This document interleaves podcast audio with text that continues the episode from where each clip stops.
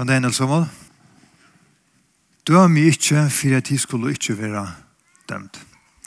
At det er um, høvsekstren i morgen. At det er fjattapratikene. Som stender i Matteus. Ja, det tror ikke kapitlene. Kapitel 5, 6 og 6. Og et av verset er som Matteus 6, 8. Den teksten vi da fyrer oss i morgen. Eh, verur 5. første versen i kapitel 6. Nå Fjallatalan, hon er verja skranne i, ja, langer tøy, her samkomne, nekva viker, og vi halder så anfram vi henne nu. Og hon snur seg jo om, om prinsipper og virer og i rujtjegods. Og minnes til rujtjegods, det er ikke et fysisk sted. Det er ikke i himmelen, det er ikke i Israel, det er ikke i Jerusalem. Rujtjegods, det er inne her tja her og mer, tja ötla som tryggva. Her er rujtje gods. Og det kan vi kapitel 5 og 6, tar bare fyra kapitlene her, så snakka tar sig om innere människa. Og Jesus legger større enn dette at han må være samsvær middelen ta idra, det som mennesker suttja, og det som gonger fyrir seg innanfyr og i tanken om. Men så nu kommer vi kapitel 6 og nu flyter fokus i våra mera sambandet mellan och människor. Mellan mig och te. Te och mig. Och Jesus han har en öliga starka mening om hur vi färre vi kvar öron som människor. Och det kommer vi att höra om nu. Så vi kunne vise versene versen på här. Låt oss lese versene sammen. Matteus kapitel 6, vers 1-5.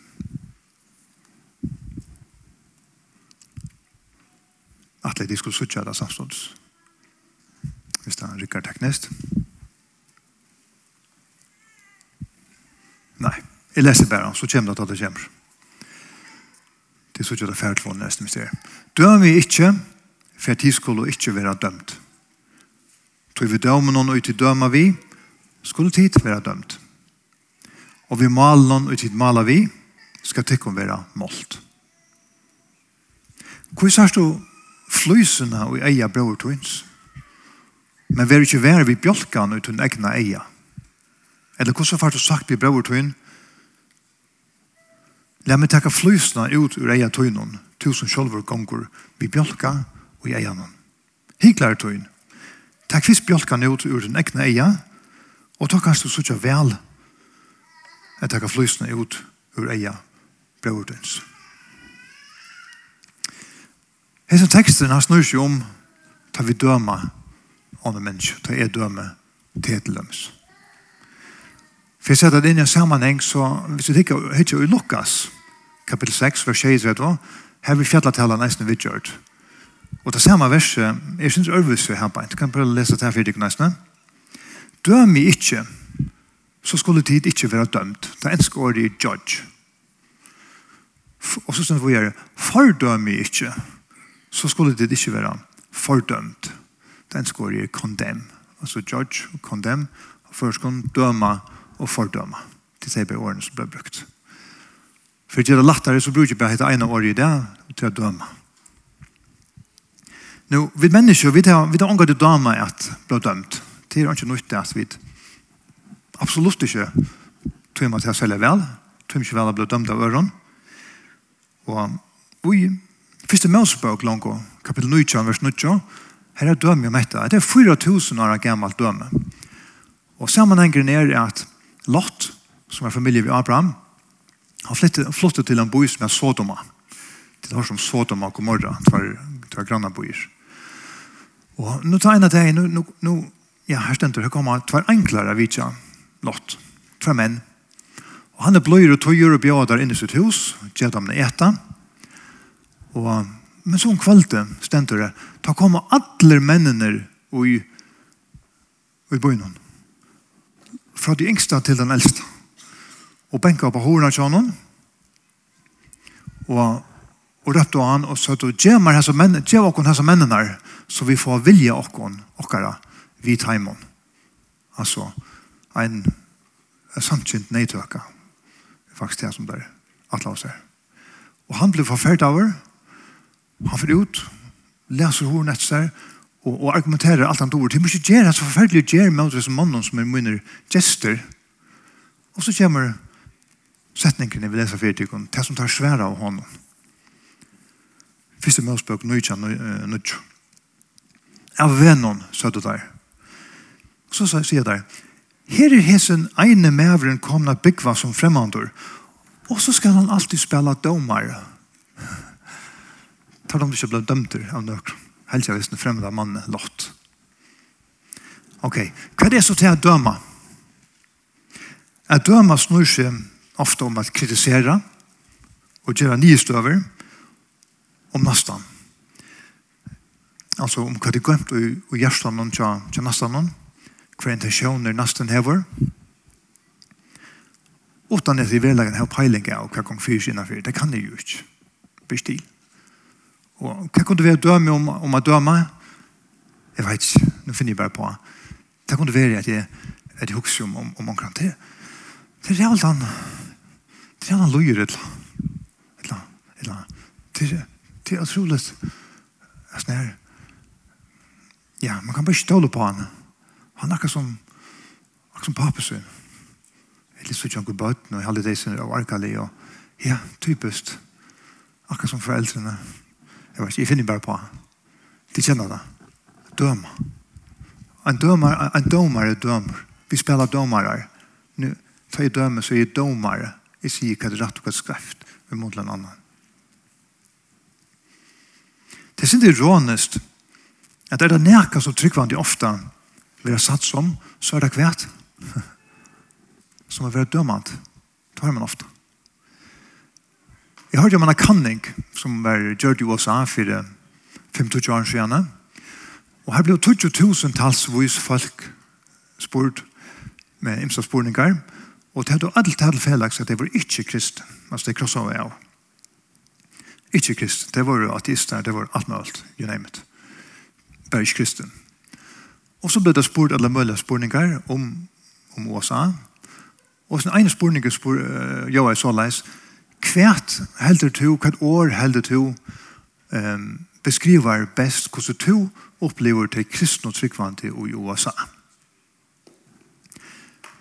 Det året som, som var nummer ett, det var at det kristne i USA, det er å dømant. Nummer tvei, det er å høklerisk. Nummer tre, det er anti-samtjent. Det var det. Det var det som, det var skosmålet som jeg ser flere tusen tusen og i meal helt. Jeg vet ikke om det er sånn jeg var i førjen. Det, det skal jeg ikke møte om. Det vet jeg ikke. Ganske. Ganske ikke.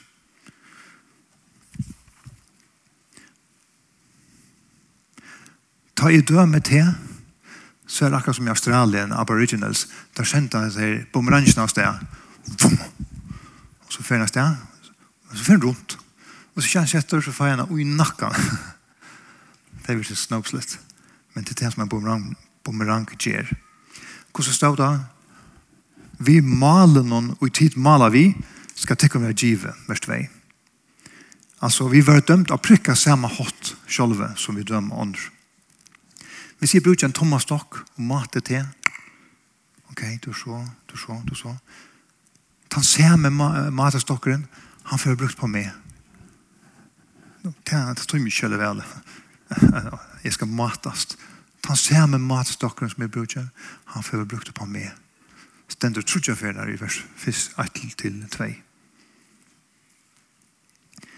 Vi leser nekva stannes i Bibelen om at hesta, altså sova og hesta.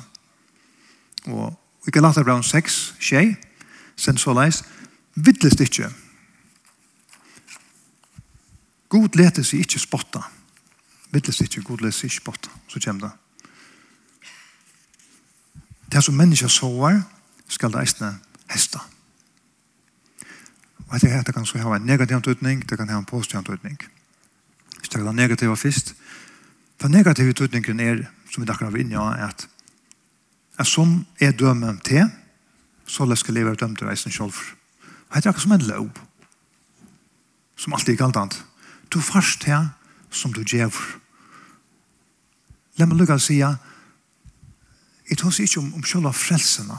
Hon er og bluver og fer alltid vera av nøy. Hon er ikke vi gjerer er gjerer i høver. Så lett jeg kvila her.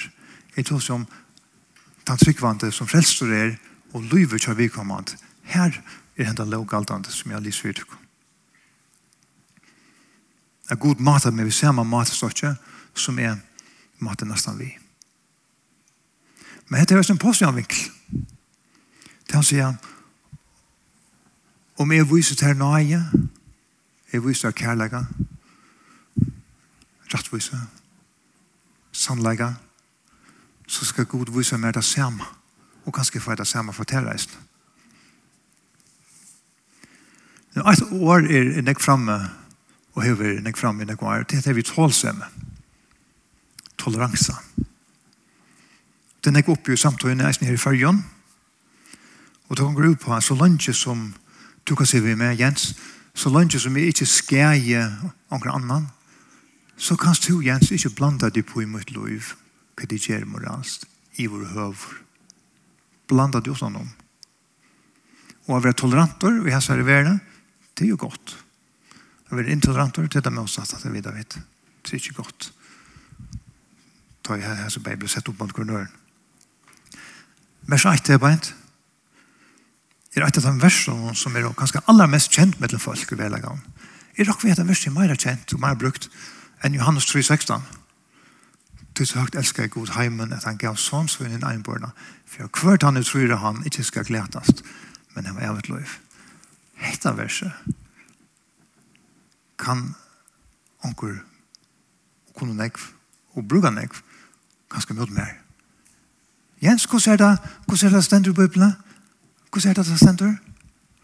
Døm ikke, for de skulle ikke være dømt. Så du ikke kom her og dømme meg om noe som helst. At det var nekk brukt. Det kan vi nok så hent faktisk å si jeg med å mer. Det blir som teptor. Kan ikke skje det større. Og så kan vi komme an til så bruker han en gullerot, eller en pusk, herfram til mot mer. Han tenker ganske skal gå der fram først, og så sier han, Jens, ikke er? Hvis du aksepterer meg, akkurat som jeg er, alt som jeg gjør, min moral og etikk og alt, så er du faktisk en rymlet menneske. Du er respektfodler. Du er du kommer inn for jævnstøv. Du er personlig fralse. Du er overfor. Omvendt hvis vi kommer til helter at de ikke ganger inn for alt som vi kommer til stand for. Hva blir vi så? Men så blir vi faktisk dømmant, eller fordømmant. Kanskje jeg blir hætersfodler. Så hadde hadde sin ringt det for alle stilene. Men det er som en, som er handel ved gjørter og jeg har dynamikken med mennesker. Så jeg, etter tålsemmens krevet, det er hva han har bæksøy om medaljen her han er bæk. Som sier Janne, annan parten sier vi med, Jens, til en omgang rett å døme med så lønge som vi ikke skal gjøre mennesker.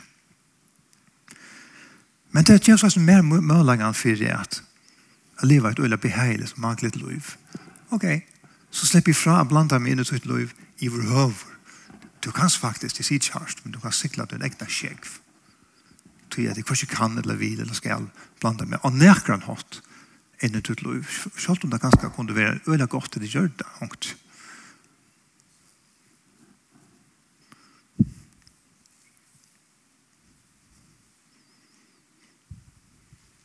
På enda måten så gjør gjøres bare parster leser av hver nøren. Det er ikke forpliktelser. Jeg måtte se her, til møter mer. Så vi må ikke blande oss på hverandre. Hatt det sin essensen alltid av tålsemmes tankene som man er i samfunnet. Men tid, la meg skunde meg si, Arne fra Vujare, men det er ikke det her Bibelen lærer. Hun lærer hon absolutt Jeg vet det hon har anbyrd av hver kvarnör. Vi skal ikke døme, men vi tar stadigvæk en anbyrd. Vi kommer alltid til månen her i middelen. Hvordan vi mittlen. Utan att døme, i den grad har anbyrd hver av öronen.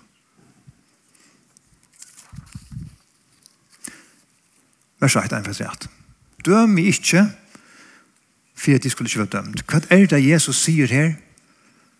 Mest ikke dette, og velagene, vi må, vi må ikke blande dere på i, altså omgant vi må blande dere på i, løyve tja, tja kronøren, altså kan det virkelig være rett? Det er jo synd som at det er så stendig, det man vi første egna bra.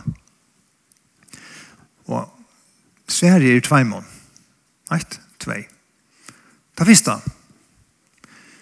Jeg vil ikke sørge at det ørvis igjen at Jesu på skulle skiljast og utørskelig.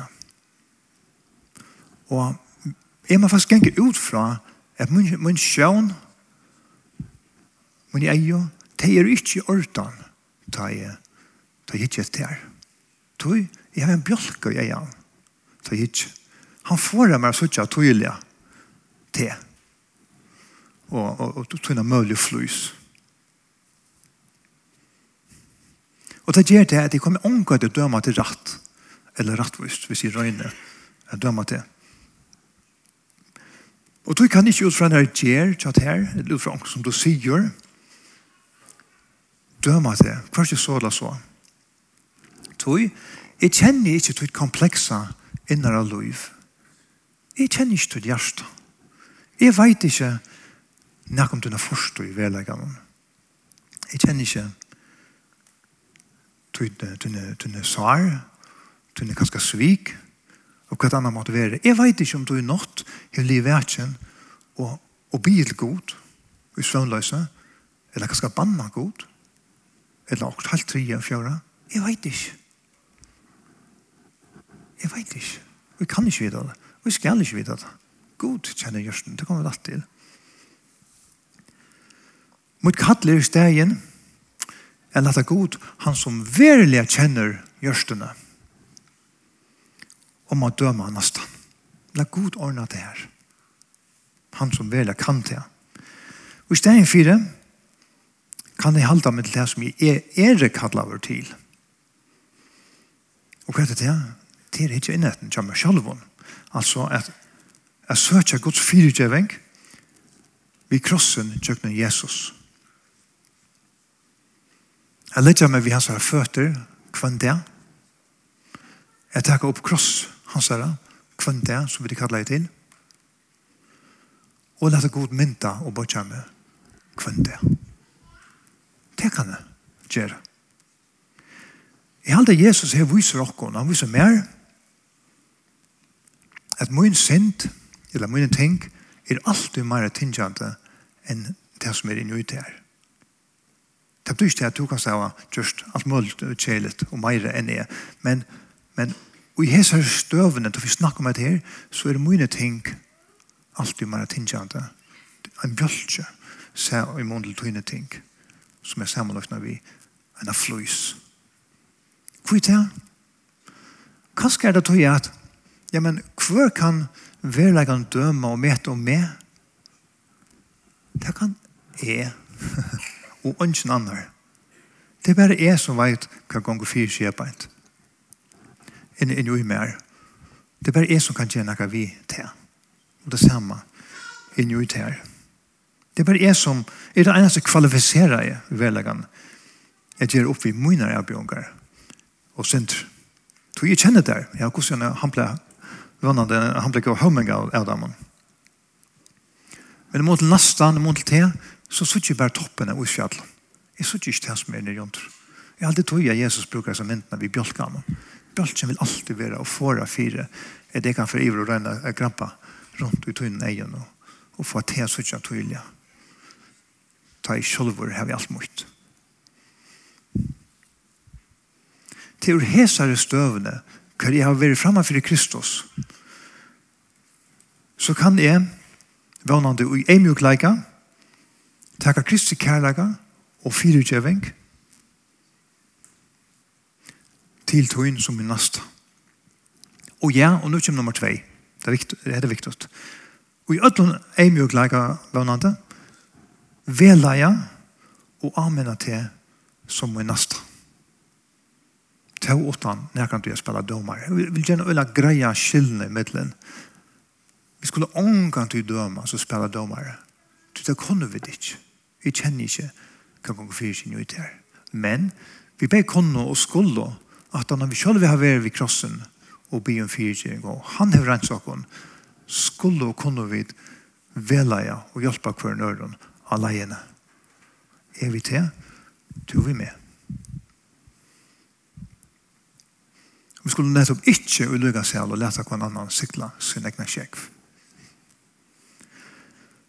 Faktisk en for undervisning eller lærer som gong fyrir seg vi nær samkommer til dem ser løftene på nu hever et enda mal. Vånande i ødelen er mjuk leika et veleia og, og amena kvann annan til aldrin er døma herfra. Jeg må aldrin stand her døma tikkum. Kan jeg ikke. Og, og, og ditt i meg gjør det, så skriver Moltevis hjemme Mastach sjølver til at, at døma nesten snur seg ofte om at jeg, jeg, jeg regner så ikke bedre ut i egen og ikke ør. Det er ofte et motiv som ligger rett og Og vers 5 til lukket det ikke etter. Det anvarer med at jeg døma tog at det er høklerist. Jesus bruker det året at det er oppeheld år. Han sier det er høklerist. høklerist det er ta ta ein fast lesta vera betre enn han er i vellegang. Ikke kjell jo her. Skal komme helt fram, det som, som om at for nek. Som om at jeg klitser hele tiden. Har du det med nå? Prøv å slakke litt mikrofonen.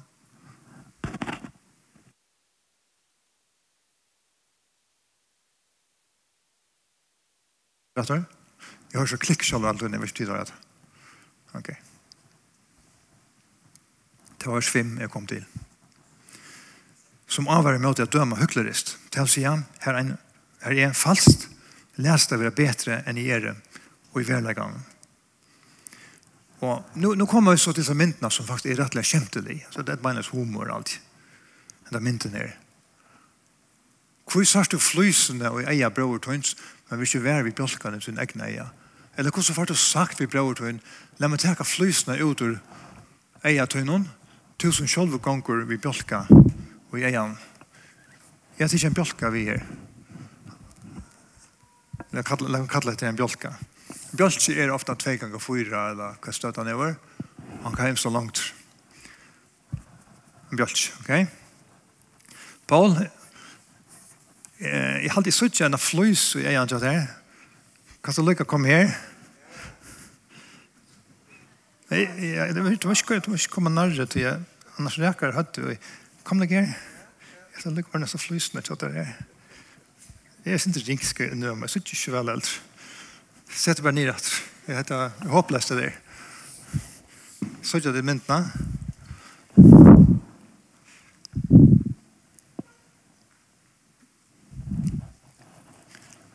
Jesus var tempo med oss.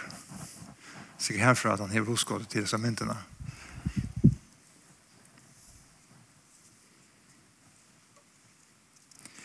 En av kjempelige mynten vi bjolkan og flysene er en avværing om ikke å døme mennesker og samståndes som er sjølver per definisjon sjølverstrus vi alt mulig. Og Jesus kallet dette å bli år hikl i så fall. Og i evangeliet sats mengan hvordan nøyrykker Jesus er. Folk kommer til han til at alle allsins troblagar og, og åpner kjønnelige synder, hva er det? Og han var, han var nesten alltid utrolig nøyrykker og, og mottakant og åpen. Til oss Matteus. Matteus var, var tottlare, eller skatta innkrevjare. Det betydde til han, han arbeidde for romverjer som var hersedninger av alt. Han var en svujare Han var i egen og kjønnekvån en kreftsvulster i samfunnet. Han gikk ørende for romverger og sånne inn penger til å betale gildet til romvergen og her at han selv var rett. Hette er personer i samfunnet. Henta personen for Jesus til og sier vi han, fylg mer. Det er han som skriver i årene vi leser det, Matteus og evangeliet. Hvis vi tenker rånsmannen av krossen, det var tveire. Den ene, var hei minne, minne flatterende ord leser, han, han sett det. Han sier vi Jesus, minst til min og i rydde tøyne, ta du kjemper, eller ta, ta du kjemper her. Og Jesus sier kjente året sannlige sider, og i det skal du være vimmer, og i paradis. Og, og det milde sinne leger Jesus, ja. Og da Jesus ble ytla vifferen, ikke minst da krossen og alt det, hva gjør han? Han takt. Han bærer det selv, still, og som lampe, ja, så vi er lett til å være, være sveva. Men, her er en type av synd som man aldri tolererer i, og da han kommer noen til at du, så slår han hardt at hver jeg fer. Og vet du hva det er for synd? Hikl. Hver jeg fer han fer, vi holdt for farseerne og, og, og, og, og der skriftlærte og imot til hikl så får det det glatte lag fra noen. Han legger ikke fingrene i middelen, og man fornemmer en øyelig indignasjon, en vreie og gjennom han uttales. Prøv å det. Hette er Lukas 20, 46, 24. Være tikkun for en skriftlærd, sier Jesus vi følelsene som stand der. Som feien vil jeg genke og tvøyen klævån, og gjerne vil jeg være helser av torgnoen her var en av fremste sessene i synagogene og sitte overstyr til bors i Vestlån. Tar vi etter opp husene til Antjon og kvamsvis halte lenge bøner. Jesus skulle få hans herrar døm. Matteus 3, 23, 30, her sier han bare stort og greit, høgg ormar. Orma er og kom. Akkurat så les, året rett, sier han, Kattler han disse mennene. Marskos 3, 26, 28, Veit ikkon til skriftlært og fariseer, hygnar tikkara. Ty det lutjas kolkan grøvun som jo er vekrare suttja åttan, men er fotlar innan av deion beinon og atlare örensko. Så la suttja eisen tid rattviser ut åttan for menneskjon, men innan er dit fotlar av hygla og lowless. Et er superhørår. Hver orskar høyre på det her. Men ta av hygl, dobbelstandard, dobbeltmoral, ta slå han harsen i rata. Og hvor er det? Kanskje at det er nemlig av våre lovlærere, teir av ødlån, har du best chans til å vite hva stod i tårene, hva stod i gansmente, og hvordan det skulle læres. Og teir av ødlån gjør det den motsatte og Jesu eion. Tog for han så herlig etter dem. Hvis man teker alle utsøkene som Jesus sier, kan han sier veitikk om tid fariserer og skriftlærd og kan ordelig sier lukkna som heter, det er nok så ofte han gjør det til han. Så han setter det opp, og, balka dag, så kan være sensorer nu i tog som han rundt jeg sier vittar, så er det fyra ting alltid man kan si. Han sier vittar, tid lærer følt seg om god. Det er positivt, da. Men, tid elsker ikke god, sjálf. Det er min saman coaching, at det stendt sjokkar på andre måten enn Bibelen. Nummer 2 tar prætika om god og alt som har vi, vi god å gjøre. Men, sier han, til omvendte mennesker til deia religion. Torra deia, steindeia religion. Da tria. Til læra lovna, gav man nøy. Men til læra ikke det som er mest områdende i lovna og andan nøyene, som er nøye og miskunn. Altså faktisk, hvis det er høyt at kryddaroj, finnes fjætter en kryddaroj, låt säga, alltså en bunka som er der, Låt han å båre, et gram. Så tok det en kniv, skår en tutsen av bors, parst på seg av. Man skal jo ikke ha tutsen, ständer i lovene, for å gå och omkring fatögonet der, og syr du fyra omkring sjata. Ok? Det var øyla, papassliga, halta bøyene og alt av forskjellige. Men han sier etter, men til det mengan så er færdelig herrer og nøyleser vi tykker medmennesker, samtidig som det skjer en tutsjunda part av en gramme av pipare og djevel noen fatak. Så gjør det kontrastene. Og så sier han til som han ganske ofta sier, til tidsja så regner ut av til, men til det skyttner og tvittner innan nøy. Sier han etter, atter og atter.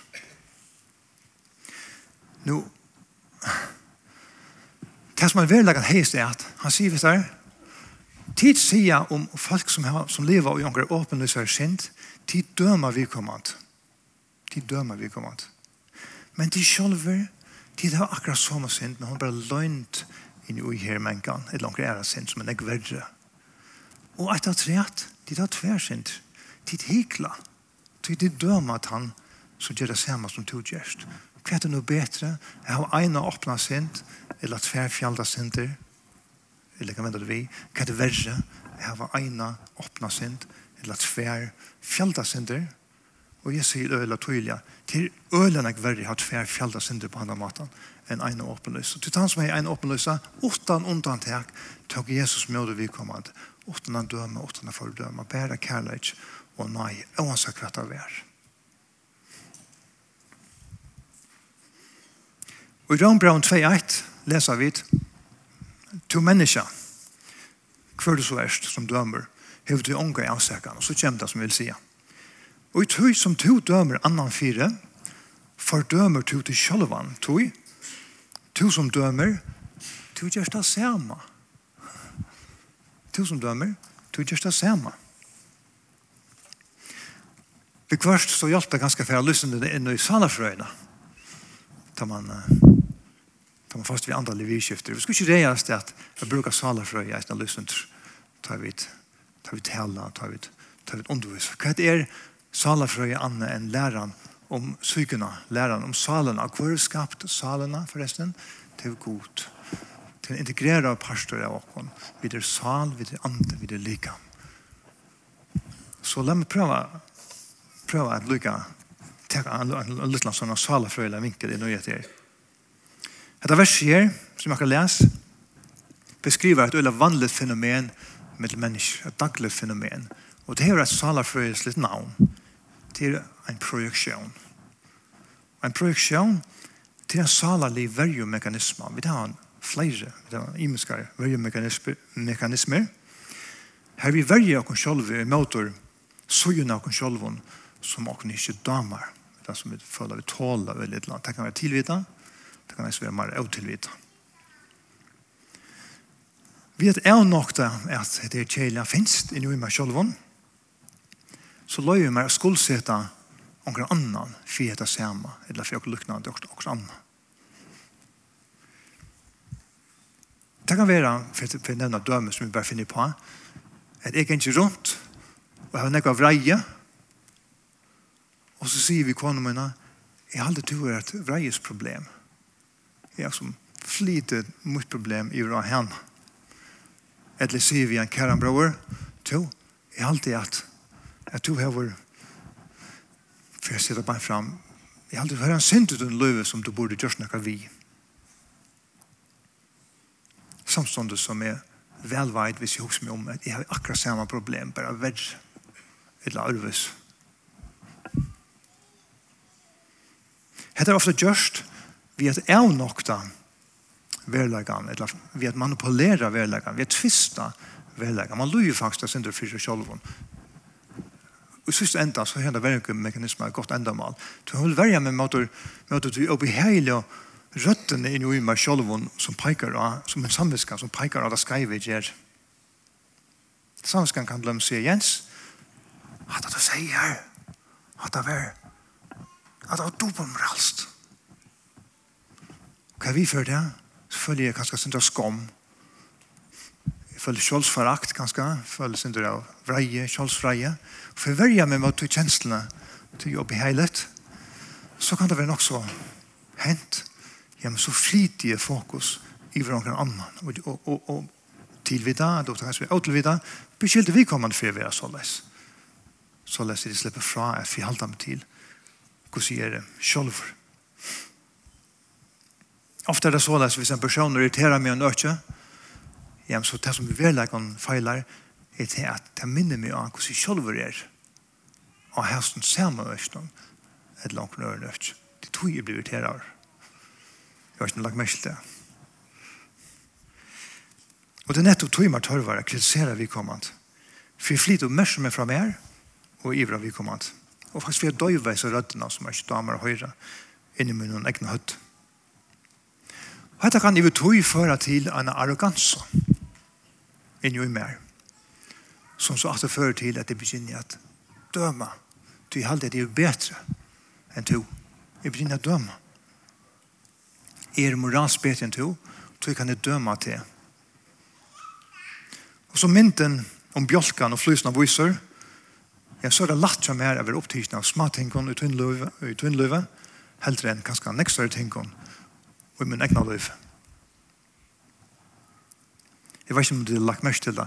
Vi dømer som regel og selv, og selv vi øyler mildt, tror jeg at vi kjenner noen intensjoner, men vi dømer andre ut fra tusen vi gjør og det sier, ikke ut intensjon. Vi kjenner det ellers. Så tar vi ikke dømt på samme måte. Jeg hadde nekker rønt til det jeg sier om en annen person, at det her som, som hun gjør det her, hadde han faktisk lengt ut.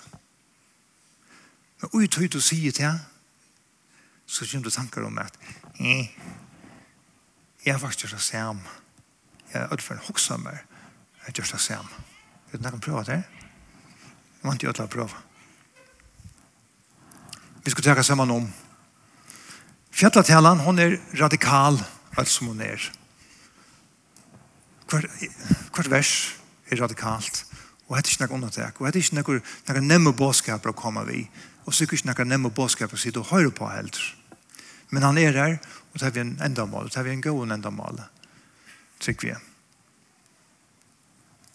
Så at jeg hvert vers halte jeg i fjallet talene, har potensialet er rist dere ur svøvn, hvis vi annars vil ha lust og åpne egen. Hva det er Jesus forteller? Han forteller dere jo om hvordan Guds rydtje er. Og i Guds rydtje er Her er kærleitjen jeg har sett. Her er fyrtjøringen jeg har sett. Rattvis, sannleitj, glede og alle stingsene. Det er det han rønner før åkken i ura i velleggen. vi er sige hans i årene. Jeg rønner rist og i åkken så vi kommer fra hans nær og ivrig hans herre rydtje, hva det er godt å være til ødelen. Som vi sier, Janne, så er vi tryggvande til veldig ofte kjent for at døma, så kunne vi se, ja, det er ikke jeg som dømer, det er Bibelen som dømer. Vi kommer til, vi kommer til å følelse ytla til Bibelen sitt. Men jeg synes ikke det er så enkelt. Jeg synes det passer vidt mengene til. Mengene er å dømme det. Hvis jeg skal koka min bådskap ned i en setning, hva er det jeg sier? Så er det dette. Det er akkurat oppgave, vi som kaller oss tryggvante, er ikke å døme nästan spela domare. Så stort har det kan sägas. God texare av typ parsten. La god texare av typ parsten. Han är fullt kvalificerad till det. Om vi dömer nästan, om vi dömer det så ska det bare vite till att det är dömt ur samme malsats. Jag tror nästan det hoksa om, om, om olvaren og jeg der? där. å också det om minnes du akkurat døme hva du har dömt en annan människa i jar ganska eller morgon pra pra också om. visste du är att du för var dömd akkurat samma mateståtje som du dömde dömde vi komma till efter det är väl allvarligt och man följer sig inte lost. Du vet ofta så att det här kommer på automatiskt för men inte det blir nog så vi är kvar automatiskt tar vi blir nog mer på att till döms vi är i det bland annat blir mer på att Å, det er ikke det jeg dømer. Å, jeg er nettopp. Jeg har gått en korsdag før, men jeg glemte det. Det er ikke leie å døme. Det er aldri å leie å døme. Men jeg kan døme meg selv. Ikke, ikke vi selv hjerte, men mer færre inn etne, og knøvnen, fremme for Jesu kross, og, og be god, be Jesus hjelpe meg at suttje her hver er dømende menneske og så gjør han noe vitte og blir en fyrtjøring. Og i tog tilstand noen kan jeg komme atter, kan stå eisen, til nesten, til systrene, til brøveren, og så kunne vi anmenne og gjøre den kærleik. Ikke bare kunne, vi skulle anmenne og hjelpe hverandre, og absolutt ikke leta hverandre sikla sin egna sjekk. Til det motsatte av konsekvensene av tålsimmes eh, retorikken som vi kan høre.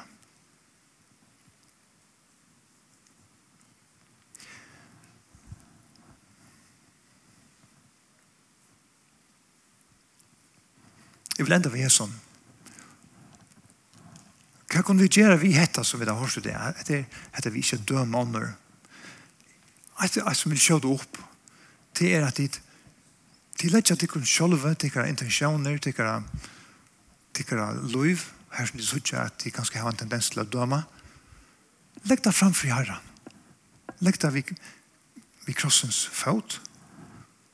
Jotta det vi Jesu fyrtjøving, hver da sjåter av fyrtjøva, hver da sjåter av lofta, hver da sjåter utøysa kærlega og nøye om man er ute til Jesus. Faktisk det neste versene at nøye sier, det er nok ikke tilfeldig. Det gjør jo en fantastisk og vannrykende bådskap som vi får enda vi. Først sett, jeg prøver å ha den tanken i høyden at du har, du har nå lagt denne dømende attituden framfor Jesus, du blir en fyrtjøving, han er renset det som han lover, og på lørdag så vet du hesen versen om til lyften vi så her, vers 6 til 11. Bie, så skal tikkun være givet. altså vi bør han om at hjelp og henne at jeg rådde ut i fordømende sinnalanden, leite så skulle de finne, Bent jo på, så skal tekken være lett jo opp. Til hvert han jo bier, fær. Han og leitar, finner. Han jo benker på, hon skal være lett opp.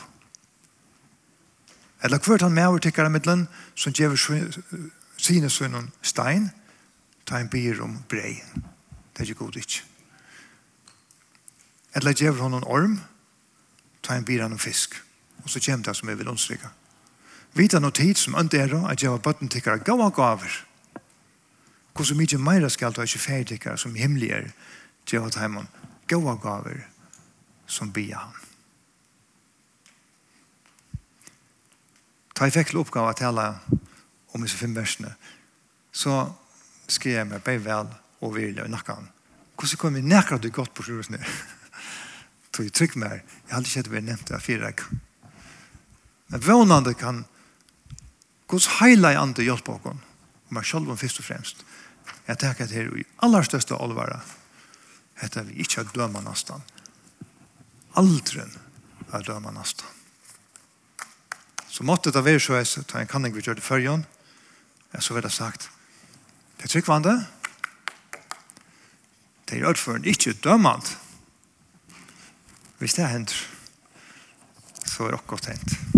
Så er vi skilt akkurat. Amen. Låt mig be samman. Herre Jesus, eh, vi tar sig för vi kunne komme til tøyen, vi kunne vi kunne være nesten, nesten urleten som vi som vi leser til till norra og vi insåg ja, ja, ja, ja, det passer, så er det. I har en bjølke i bjolka selv om vi så jävla gjerne vil rette på nästan. Har det hjälpt oss å för inn i oss selv? Hjälp mig här för inne i oss själva og lette alt vi til en kross. Vi fått den, be til en fyrtjøring, og i tørste fyrir at du tar eisne renser og fyrtjøring, og tar beina veien. Og øyser ut at hun er nøy og tøyner gav, som vi så kunne be av hver nør.